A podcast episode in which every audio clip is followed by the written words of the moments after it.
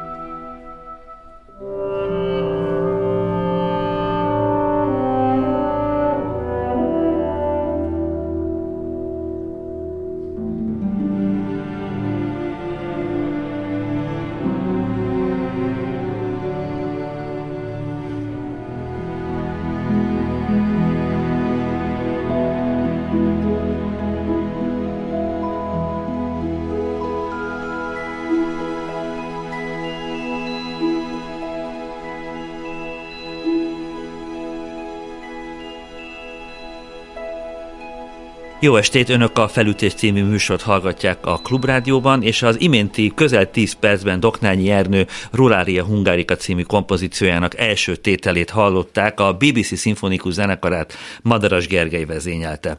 És a mai beszélgető társam Madaras Gergely karmester, aki telefonon, Winterturban értünk el, és egy érdekes, hogy mondjam, Kivételes alkalom ez a mi műsorunk történetében, mert nem egy hazai koncert adja az apropót a beszélgetésünknek, hanem egy amsterdami koncert. Az amsterdami koncert Gebauban február 12-én a Holland Filharmonikus Zenekart vezényli Madaras Gergely, és azért érdekes ez a koncert számunkra, mert részben ez egy magyar műsor, ráadásul egy fiatal magyar szerzőnek, Kecskés D. Balázsnak Blue című műve itt hangzik majd el ősbemutatóként.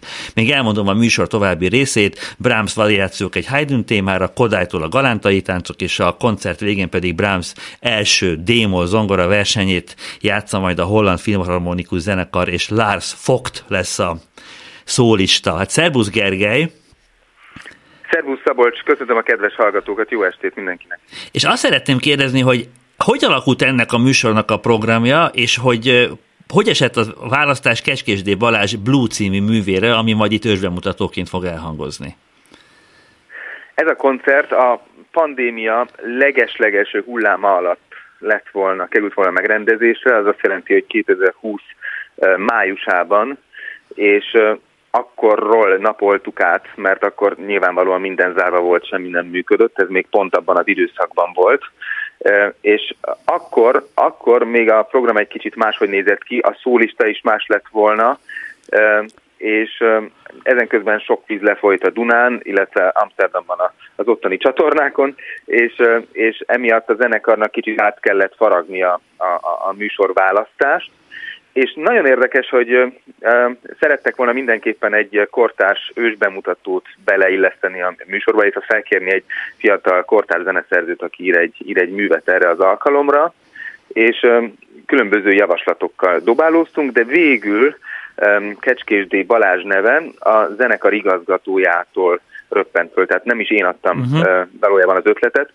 Sőt, azt kell, hogy mondjam, hogy Balázsjal személyesen csak nagyon futólag találkoztunk, úgyhogy én így ilyen szempontból nagyon örülök, hogy hogy e, a holland zenekaron keresztül tudom most megismerni őt és az ő művét, illetve nyilván természetesen majd Amsterdamban találkozni is fogunk, de mindenképpen szerette volna a holland zenekar vezetősége, hogy egy fiatal magyar tehetséget mutathassanak be. És nem kérdeztél azonnal rá, hogy de honnan ismerős, honnan, honnan cseng ismerősen hogy Hollandiában ennek a zenekar igazgatónak a Kecskésdé Balázs neve, hogy hol találkozott akár művével, az az érdekes, hogy erre nála is rákérdeztem, de a Balázsnál is rákérdeztem, és akkor most a Balázs verzióját mondom uh-huh, el. Jó.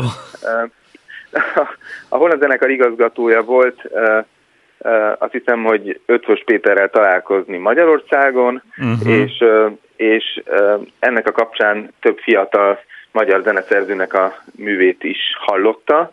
Itt találkozott Kecskés D. Balázsjal, aki utána, de most ilyen 5-6 évekkel ezelőtti időszakról beszélünk, aki utána kapcsolatban maradt ezzel az igazgató, és többször küldött neki különböző darabokat, amiket éppen ír, és nagy csönd volt az igazgató részéről, és azt hiszem, hogy valószínűleg annak a kapcsán, hogy én is magyar vagyok, vagy egyszerűen a műsorban is vannak magyar művek, magyar vonatkozású művek,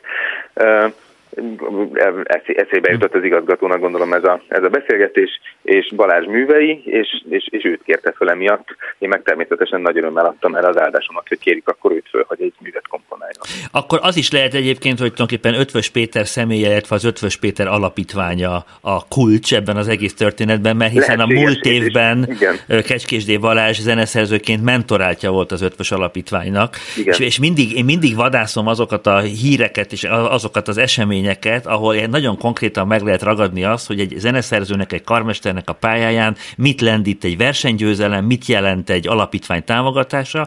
Ez szerintem akkor ez egy elég konkrétnak tűnik, hogy... Hát hogy... már itt ugye hát az, az, az nyilván fontos kiemelni, hogy Ötvös Péter személye tényleg olyan, aki, ilyen fúziós személyiség, aki abszolút szereti összekötni a, a fiatal művészeket, karmestereket és zeneszerzőket, mind, a két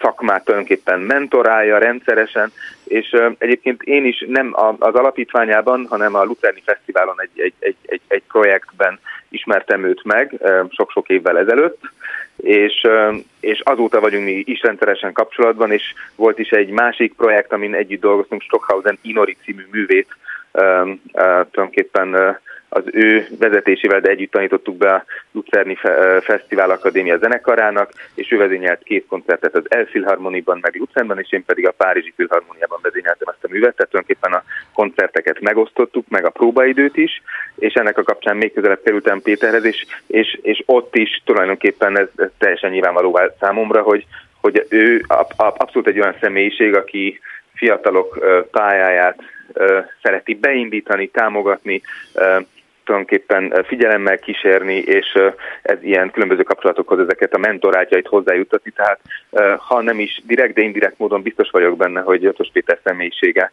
és az ő szellemisége abszolút hozzájárult ehhez a felkéréshez. És hogyan kerültél te kapcsolatba a holland filharmonikusokkal? Én sok-sok évvel ezelőtt vezényeltem ennek a zenekarnak a kamarazenekarát az Amsterdami Operaházban, egy Mozart varázsfólája, varázsfóla produkcióban. Akkor találkoztam először a zenészekkel, de mondom, ez azt hiszem, hogy 2014 vagy 15 Aha. lehetett, és azóta a zenekarral kapcsolatban maradtam, illetve nyilvánvalóan az ügynökségem rendszeres kapcsolatban van velük, és már sokszor próbáltunk különböző projektet, projekteket keresni, hogy hogy tudnánk együttműködni, és nyilván ezek, ezek, ezek, a, ezek a felkérések általában egy másfél-két évvel előre jönnek, tehát ez azt jelenti, hogy ha ez a koncert 2020 májusában lett volna, akkor azt hiszem, hogy mondjuk 2018-ban jöhetett ez a felkérés, és most ugye 2022-ben uh-huh. fog megvalósulni. Tehát, hogy ezeknek ilyen időintervalluma van. Így kerültem velük kapcsolatba, viszont még a nagy zenekarra, tehát a a, a, az egész szimfonikus zenekarral még sosem dolgoztam, úgyhogy nekem is ez egy első találkozás lesz.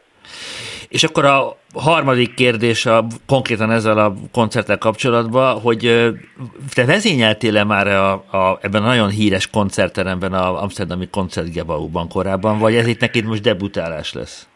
Hát képzeld el, Szabolcs, hogy nagyon érdekes, hogy vezényeltem, Viszont, viszont az nem egy koncert volt, pontosabban ez érdekes, nagyon érdekes volt, és ennek a nyomait a Youtube-on is föl lehet lelni, hogy 2012-ben, tehát pont 10 évvel ezelőtt, az Amsterdami Koncertgebau zenekara, tehát nem a holland filharmonikusok, akikkel most fel fogok lépni, hanem a Koncertgebau zenekar, az ő történetükben először hirdettek egy mesterkurzust Maris Jansson. Uh-huh. Uh-huh. És erre a mesterkurzusra sok száz karmester beadta a jelentkezését rengeteg helyről, és én voltam a három szerencsés egyik, akiket Maris Jansson meghívott.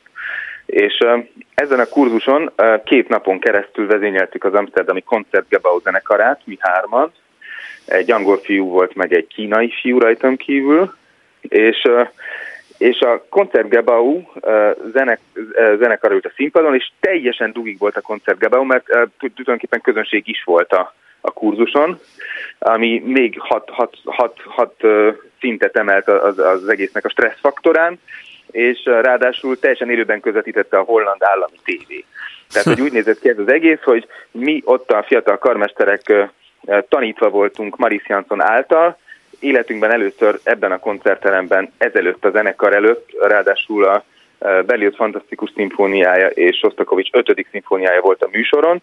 Teljesen tele volt a koncertgebau két napon keresztül, és minden lépésünket kamerák kísérték, és rengeteg kivetítő volt mindenhol, hogy minden mozdulatunkat láthassa az, az élő közönség is, meg a tévé közönsége is és amikor épp nem próbáltunk, akkor különböző meetingek voltak a zenekari tagokkal, akik szintén feedbacket adtak. Tulajdonképpen ez egy ilyen, most ezt úgy, úgy, hív, úgy hívnák, ilyen divatosan, hogy immersive experience volt tulajdonképpen nekünk karmestereknek, hát egy ilyen tűzvíz próba.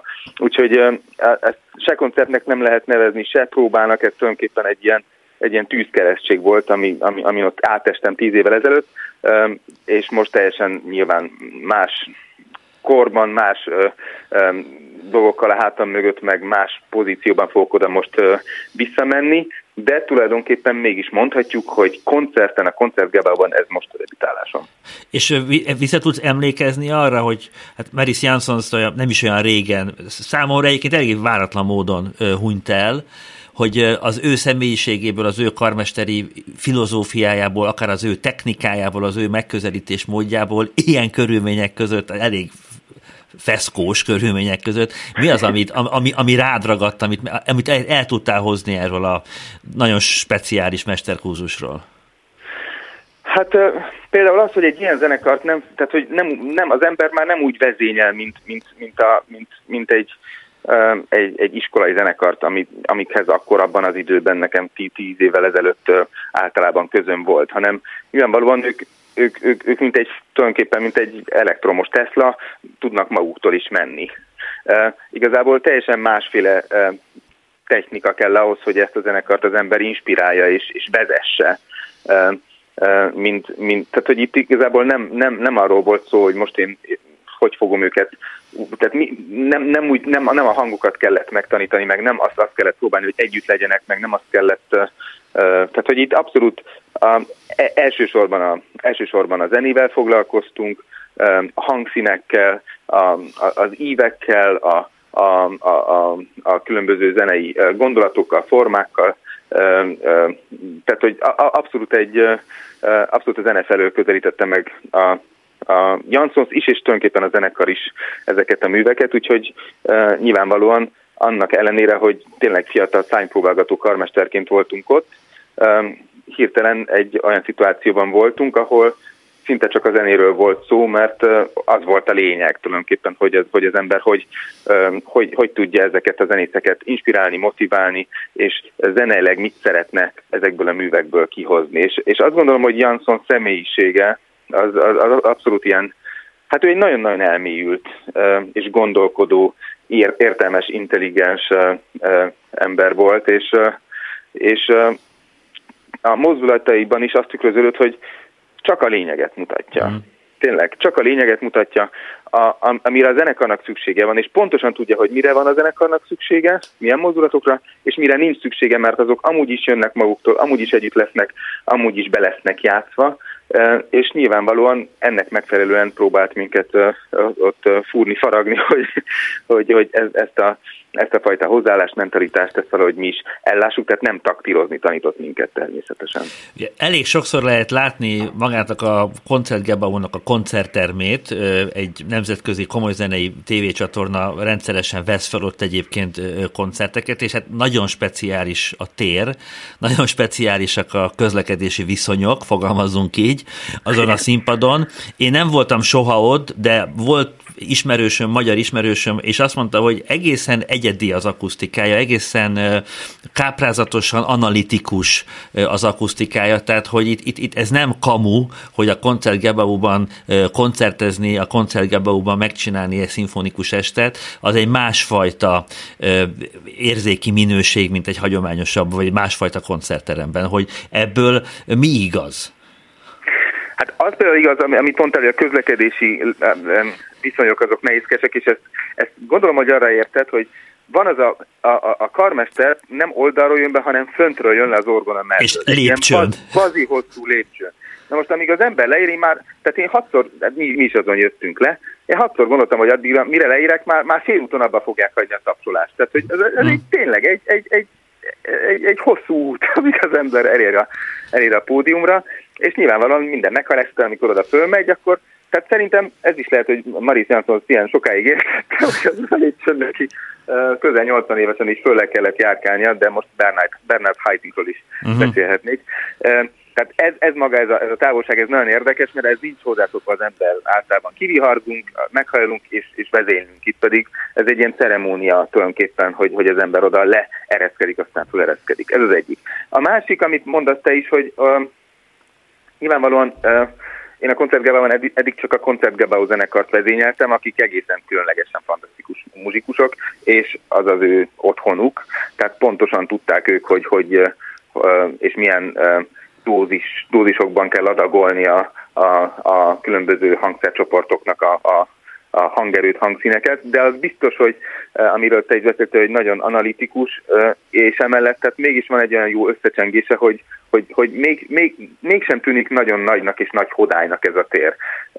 Egyébként tehát nem, nem, nem ijesztő ott állni, vagy nem, hogy mondjam, nem, nem veszik el az ember, mert mégis talán amiatt is, hogy a zenekar egy félkörívben tulajdonképpen úgy körülöleli a, a karmestert, és a közönség, akik az orgonaülésen ülnek, tulajdonképpen a meghosszabbítása a zenekarnak.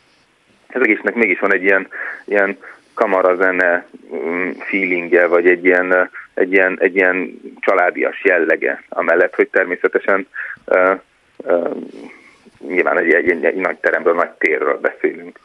Tartsunk egy lélegzetvételnyi szünetet, és hamarosan folytatjuk a beszélgetést Madaras Gergely karmesterrel. Felütés Remek művek és alkotóik a klasszikusok vonzásában.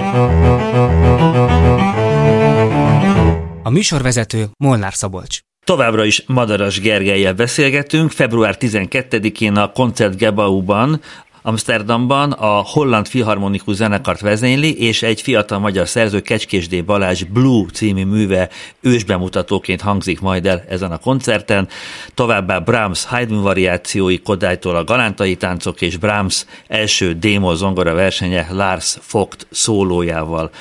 Adódik a kérdés, hogy amikor egy magyar származású, vagy, vagy egy magyar karmestert megkérnek egy olyan koncertre, ahol magyar műveket is vezényelni kell, hogy mennyire él még a magyar művekkel kapcsolatos sztereotípia a nyugati koncertszervezők fejében. Azért kérdezem ezt, mert én pont néhány napja voltam itt Budapesten egy teljesen szín magyar műsort vezényelt a Operaház zenekara élén Kocsár Balázs, és Doknányi első szimfóniája hangzott el egy fiatal magyar szerzőtől egy mű, valamint Mihalovics Ödöntől a Sellők című szimfonikus költemény. Na most ez a program, ez annyira nem volt magyar hangvételében, abszolút kozmopolita nyugat-európai zene volt. A Mihalovics is, a Doknányi is, és Virág András Gábor darabja is.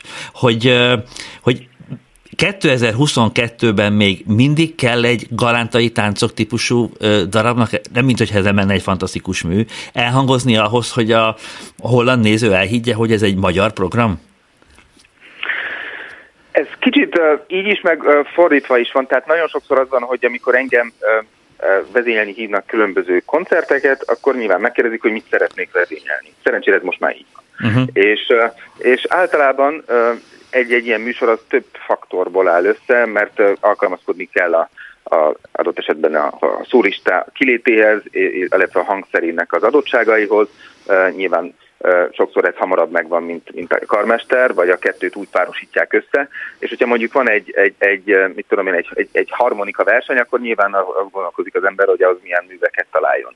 Itt adott volt egy Brahms zongora verseny, de azt nem tudtuk, hogy melyik az egyik a kettő közül, és nyilvánvalóan ehhez próbáltunk valamilyen passzentos műsort kitalálni, és, és, és, és mint mondtam, itt, itt rengeteg variálás volt már ez a, ez a műsor, sok, sokféleképpen nézett már ki, de nyilvánvalóan a Brahms zongora verseny az elfoglal egy egész fél időt. Igen. És nyilvánvalóan, hogyha szeretnénk bele szintani a műsorba egy ősbemutatót is, akkor, akkor, akkor nyilván limitált az az idő, ami, ami a zenekari művekkel tölthetünk. És a Brahms Haydn variációk a szintén valahogy a műsor részét képezte, vagy pontosabban valami ajánlat része volt, szerették volna, hogy a Brahms zongora a Brahms és a Haydn variáció az elhangozzon, és nyilván akkor benne felmerült, hogy milyen jó lenne ezt egy Haydn szimfóniával esetleg összepárosítani. Minden esetre maradt tulajdonképpen 15-18 perc, ahova kellett találnunk egy oda, oda passzoló uh-huh. darabot, amit ami mégis más, de, de, de azért megy ezekhez a művekhez, a közönség is élvez, a zenekarról szól, a zenekar szólistáit emeli ki, és a, rólam is szól, mert hogy én, én, én tulajdonképpen, hogy, hogy, hogy, hogy én ki vagyok, mi vagyok, mi, mi, mit, mit, mit vezénylek. És nyilván a Galánta ilyen szempontból nagyon is kézenfekvő volt, de azért hadd mondjam el, hogy én bárhol megyek, nagyon-nagyon szeretek elsősorban magyar repertoárt javasolni. És ez nem, nem nem csak azért, mert azt gondolom, hogy az emberek azért hívnak engem, hogy magyar repertoárt halljanak, inkább, inkább fordítóan, én, én ezt nagyon magaménak érzem, nagyon szívesen vezénylem, és egyébként pont Kocsár Balázsral beszéltünk pár napja Na. telefonon, pont a, Doknányi első, pont a Doknányi első szimfóniájáról, mert Liésben, ahol én most már harmadik éve vagyok a, a Liézsi Királyi Filharmonikusoknak a zeneigazgatója, ott én Doknányi első szimfóniáját tűztem két héttel ezelőtt a műsorra. Hát, most azt és... fogják hinni a hallgatók, hogy összebeszéltünk. Hát abszolút Na, nem. Igen, nagyon érdekes, hogy pont ezt a koncertet emeltet ki, mert Doknányi első szimfóniája szerintem egy fantasztikus mű, amit, amit, amit Doknányi 24 évesen írt, olyan, mint a Brahms hatodik szimfónia, vagy Bruckner 11 vagy Igen. nem tudom, tehát hogy tényleg ez a, ez, a, ez, a, ez a feeling van benne, és, és benne van az is, hogy 24 évesen az ember 15 perccel hosszabbat ír, két kürtel többet ír. Öt tétel. Tehát, igen, mint, mint amennyit, amennyit érdemes, de, de ebben benne van minden, nekem mindent bele akar tenni Doknányi ebben a műbe, és én egyébként nagyon szeretem ezt a, ezt a darabot, és, és már sok helyen vezényeltem a, a a, a, a, a Skót BBC zenekarától kezdve a, a mit tudom én, a Montpellier, francia állami Montpellier zenekarral, vagy, vagy, és most és azt gondoltam, hogy Liésbe is mindenképpen szeretném ezt a zenekarra megismertetni ezt a művet. Na most az első próbát le, levezényeltem, egyébként ennek a koncertnek lett volna élő közvetítés a rádióban, illetve a Mezzo fölvette volna, és aztán Magyarországon is tudták, tudták volna nézni az emberek utána, utólag. Tehát, hogy ez egy nagy, nagy projekt volt ott Liésben, és a, a, a két próban abból, mert ennyi jutott, a két próban abból az elsőt azt, azt, azt meg is csináltam, és a zenekarnak betanítottam tulajdonképpen a darabot, és másnap reggel pozitív lett a koronatesztem. Mm. Na most ez azt jelentette, hogy én nem fogom tudni a koncertet vezényelni, de, de ezt, ezt az egész programot ugye körém alakították, illetve én, én, én szerettem volna oda vinni, hát ki a francot ugrattunk be magam helyett erre, erre, erre a darabra. Na és akkor itt jött az, hogy én végigtelefonáltam az összes magyar karmestert, hogy ki tudnak kiugrani Liésbe a Doknány első szimfóniáját elvezényelni, és a, a, tulajdonképpen a, a, nem, nem szeretnék neveket mondani, de a legnagyobbakat hívtam föl, akik közül a legtöbben azt mondták, hogy ők még életükben nem vezényelték Igen. ezt a darabot. Ez, ez Igen. olyan szempontból meg tudom erősíteni, hogy iszonyatosan ritkán találkozik vele az ember, tehát hogy Igen. úgymond nincs kézben Igen. a darab. Igen. Én, én onnan ismerem egyébként, hogy több évvel ezelőtt a rádiózenekarra vezényeltem a művészetek palotájában. A rádiózenekar tűzte akkor műsorra, akkor még Zombola Péter volt az ő programigazgatójuk, és az ő ötlete volt, ez tényleg 16-ról beszélünk, vagy valami ilyesmi, akkor találkoztam először a művel, és azt hiszem, hogy a zenekar is. Na és minden esetre eljutottam egy bizonyos ponton Kocsár Balázshoz, hogy ő, gondol, én tudom, hogy ő sok, doknányit vezényelt, hogy nincs kedve kiugrani, és mondta, hogy sajnos nem tud, mert hogy opera bemutatója van egy nappal előtte, tehát nem tudna próbálni, de képzeljem el, hogy pont ezt fogja jövő héten vezényelni. Úgyhogy végül a koncertet, a végül a koncertet az asszisztensem vezényelte, mezó felvétel, meg rádió felvétel végül nem volt, hogy a stresszfaktor lemenjen a szegény lányról, aki 22 éves és életében először találkozott szintén ő is a darabbal, mint ahogy a zenekar, de most már elmondhatjuk, hogy Gyoknány első szimfóniáját egy, egy angol fiatal karmesternő fogja tudni mostantól vezényelni. Egy, egy percet akkor még áldozunk ennek a műnek. Most, amikor ezt én hallgattam, és azt tudtam erről a darabról, hogy egy, elész, egy hangot nem írt ebből a Doknányi, úgymond Magyarországon. Egy részét Ausztriában írta, egy részét Amerikában éppen egy koncertúrné közepette, Angliában mutatták be, de amikor elkerült a darab Magyarországra, akkor a fiatal Bartók ezt megtanulta, és zongorán eljátszotta a Gruber Emmának, tehát ugyanúgy, mint a Strauss szimfonikus költeményeket, ez oda-vissza ismerte a Bartók. És hallgatom, hallgatom ezt a Doknányi darabot, és ott a Brácsa szólós intermezzo tájékán, ami pont a negyedik tétel, igen, és a, pont a, egy negyed, igen, és pont egy negyedik tétel intermezzo, a koncertó negyedik tétele is. igen. Majd utána jön az ötödik tétel a Doknáninál, és egy ilyen nagyon érdekes ilyen fugátó szakasz van benne.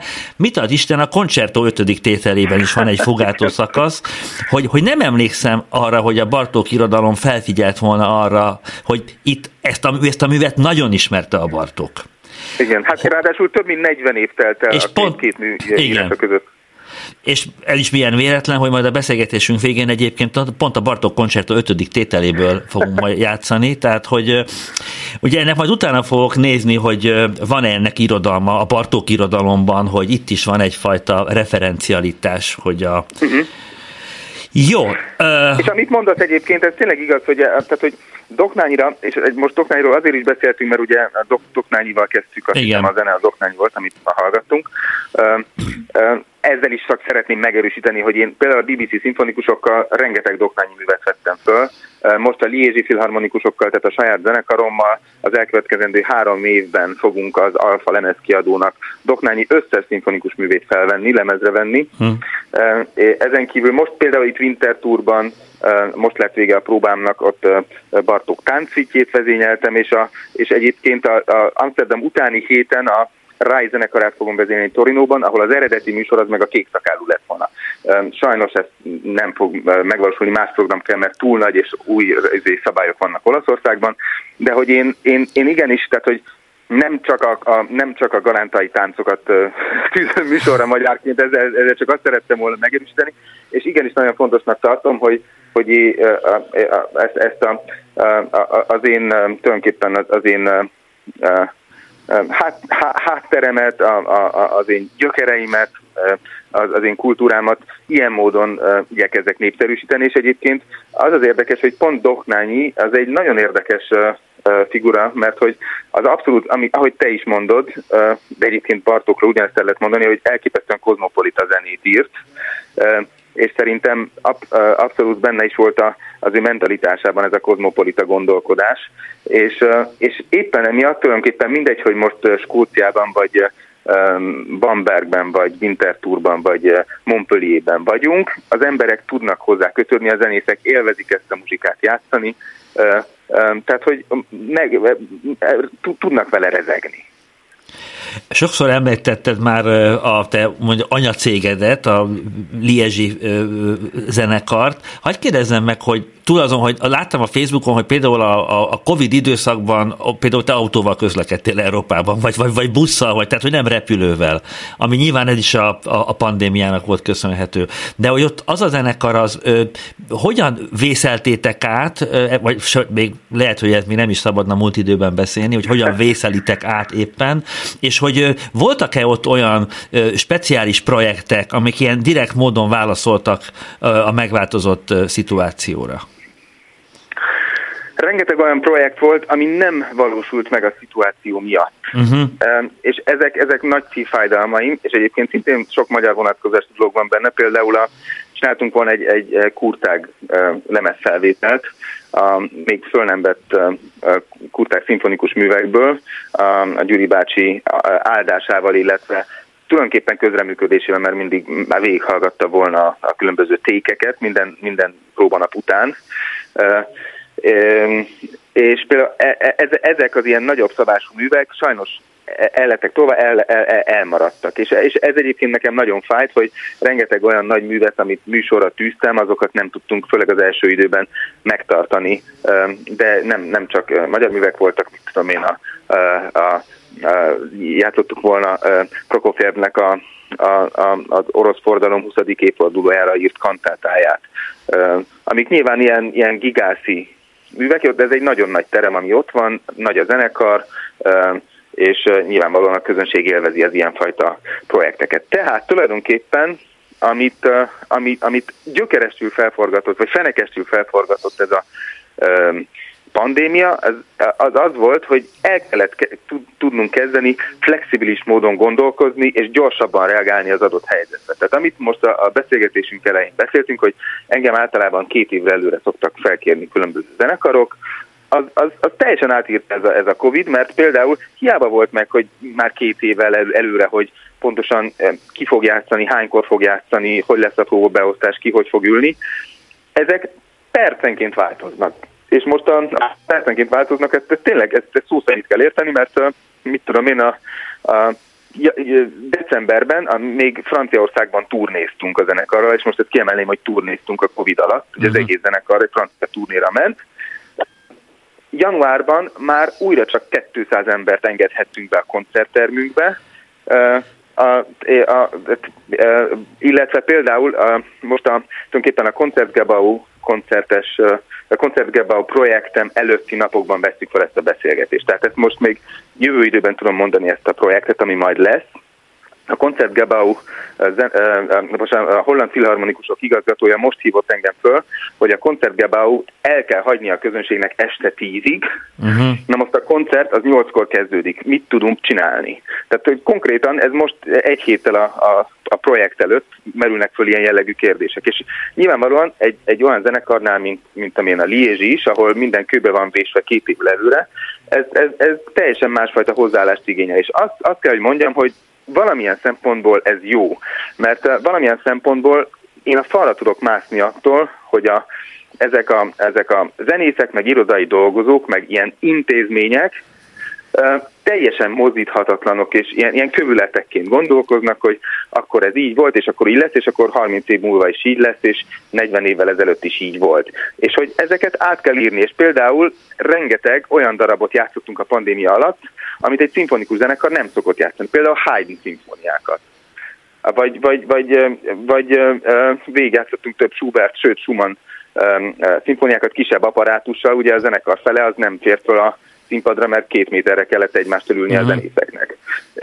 Vagy, vagy, vagy, vagy, tehát, hogy egészen másfajta a koncertnek a hosszát át kellett gondolnunk, vagy, a, vagy hogy a, a, a, egy, egy, egy, egy, egy, egy műsor többször játszunk el, hogy több közönséget be tudjunk ültetni, vagy hirtelen el kellett kezdeni jobban lokálisan gondolkodni, mert nem tudtunk folyamatosan külföldi művészeket, vendégművészeket hívni, hanem meg kellett nézni, hogy kik azok a Belgiumban élő és éppen ott, ott otthon lévő tehetséges, fiatal vagy nem fiatal helyi művészek, akik amúgy nem merülnének föl a zenekar műsorában, mert a zenekar mindig nagyban gondolkodik, de hogy most nyilvánvalóan sokkal nagyobb figyelem irányult a, a lokális kapcsolatokra. Tehát, hogy ezek olyan, olyan tulajdonképpen felismerések voltak, és, és olyan kényszer helyzetek voltak, amik nagyon sokszor szerintem inkább jó, mint rossz irányban mozdították el a helyzetet, annak ellenére, hogy irgalmatlan pénzkiesés ez természetesen, arról nem is beszélve, hogy nem, nem tudjuk világszerte sehol, hogy, hogy lehet, hogy most még támogatják a, a kormányok, államok, városok a, a, a kultúrát vagy a klasszikus zenét, de hogyha ez így megy tovább, és a gazdaság ilyen alacsonyan tud pörögni a pandémia miatt, és ez még sok évig így lesz, ki tudja, hogy mondjuk 5 vagy 10 év múlva, amikor egy zenekar büdzséjét beszélik át a Városházán, pont a zenekarnak akarnak adni a, a, a kis plusz pénzt, és nem mondjuk egy kórháznak, vagy egy uh-huh. tesztcentrumnak. Tehát, hogy ezek a, ezek a nagy kérdések, vagy hogy hogy tudjuk a, a, a közönségünket valahogy mégis visszacsalogatni, aki pont az a generáció, aki a leginkább érintve van ezáltal a pandémia által a koncerttermekben, és elhitetni velük, hogy ott biztonságban lesznek. Szóval ez, ez, ez, ezért még szerintem egyáltalán sajnos nem lehet múlt időben beszélni a pandémiáról. Van egy Nyugat-Európában, főleg Németországban dolgozó karmester, most a neve nem érdekes, nálam szerintem valamivel fiatalabb, nálam valamivel idősebb, és nála olvastam azt, hogy egy elég jó nevező zenekarhoz fölkérték zeneigazgatónak, és akkor a menedzser igazgató egy bizalmas beszélgetésben azt mondta, hogy hát azért lássuk be, hogy azért alapvetően a mi dolgunk mégis az, hogy szórakoztassuk a közönséget. És amikor ezt meghallotta ez a karmester aspiráns, akkor visszalépett ettől a pályázattól, mondván, hogy, hogy egy szimfonikus zenekarnak a feladata az, hogy a megváltozott társadalmi szövedékhez igazodjon, és hogy azokhoz a kérdésekhez speciális koncertekkel hozzá tudjon szólni, azokhoz a kérdésekhez, ami éppen aktuálisan foglalkoztatta a, a társadalmat. Ugye persze nem zárja ki azt, hogy az ember szórakozon egy koncerten, de hogy nem ez az elsődleges feladata. Hogy te erről mit gondolsz? Hát arról, hogy a, a zenészek, nekünk zenészeknek mi a feladatunk, ez, ez, ez, ez azért ne, nem, nem, nem, nem lehetett így ilyen rövid beszélgetésben el, elmondani, de azért mégis, tehát hogy az biztos valamilyen szempontból, hogy hát hogyha csak azt nézzük, hogy a fenntartók eddig kik voltak, valamilyen szempontból a, a klasszikus zene az sosem volt igazán rentábilis, vagy profitábilis, vagy ö, ö, ö, tulajdonképpen ugye vagy a mecénások azok különböző uralkodók, vagy az arisztokrácia tagjai voltak, vagy a későbbiekben különböző állami vagy városvezetési szervek, és nyilvánvalóan vannak most olyan régiók a világban, például Amerikában, a, akik tulajdonképpen sokkal kevesebb szubvenciót kapnak, mint egy német, vagy egy francia, vagy egy akár egy magyar zenekar, sőt, azt kell, hogy mondjam, hogy a, a büdzséjük csak az 5%-a érkezik ezektől a, az állami szervektől, tehát kénytelenek más megoldásokat uh-huh. találni arra, hogy pénzt generáljanak. És nyilvánvalóan, főleg ezeken a területeken, nyilvánvalóan sokkal jobban meg van kötve a zenekaroknak, és ez Angliára is igaz, hogy azt a maradék 95%-ot honnan a francból fogják előteremteni. És akkor nyilvánvalóan itt bejön a képbe maga a szórakoztatás, hogy tulajdonképpen a legtöbb pénzt azzal lehet behozni, hogy még több embert zsúfolunk a koncerttermekbe, hát ahhoz viszont nem biztos, hogy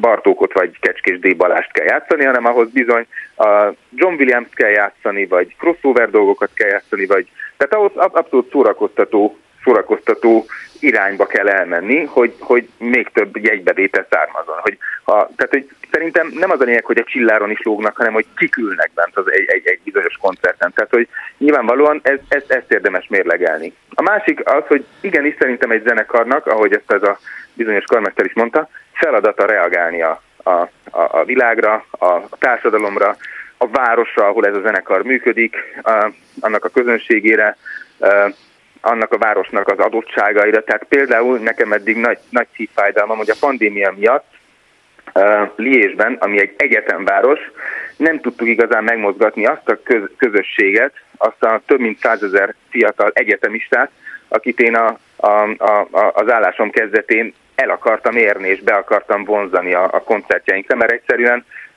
maguk az egyetemek is zárva voltak, vagy egyszerűen itt most nem arról volt szó, hogy hogy, hogy tudunk még, hogy tudjuk diversifikálni a közönségünket, hanem arról volt, hogy hogy, hogy éljük túl, és hogy hogy lehet, hogy nem otthon ülünk, hanem játszunk. És nyilvánvalóan ezek a, ezek a kérdések, ezek most azért át lettek nyilva, meg most nyilván tüzet oltunk, de hosszú távon szerintem olyan szempontból igaza van ennek a karmesternek, hogy ez egyik, egy, egyrészt szórakoztatás, ami a feladatunk, másrészt viszont valamilyen szempontból értékmegőrzés, a kultúra terjesztés, illetve igenis megismertetése ezeknek, a, ezeknek, a, ezeknek, a, ezeknek az értékeknek, amit mi zenészként képviselünk. És, és egyébként erre rengeteg er, szuperebbnél szuperebb ötlet van már különböző zenekaroknál. Én például azt találtam ki, hogy elindítottunk egy olyan sorozatot, ami, tehát hogy hogy lehet bevonzani tulajdonképpen megszakadt a telefon, de közben a műsoridőnk is lejárt. Madaros Gergelyel beszélgettünk, aki a Koncertgebau Amsterdamban fogja vezényelni a Holland Filharmonikus Zenekart, és Kecskésdé Varázs Blue című műve itt hangzik majd el ősbemutatóként. A mai műsor elkészítésében Csorba László és Budai Márton volt a segítségünkre, és zárásképpen pedig következik Bartók koncertójának utolsó tétele, a Nemzeti Filharmonikusokat Madaras Gergely vezényli, hogyha lábdobogás hallanak a felvételen, az azért van, mert a zenére éppen a Szegedi Kortás Balett táncol. A jövő héten Csaló Gábor lesz a vendégünk, Molnár Szabolcsot hallották a Viszonthallásra.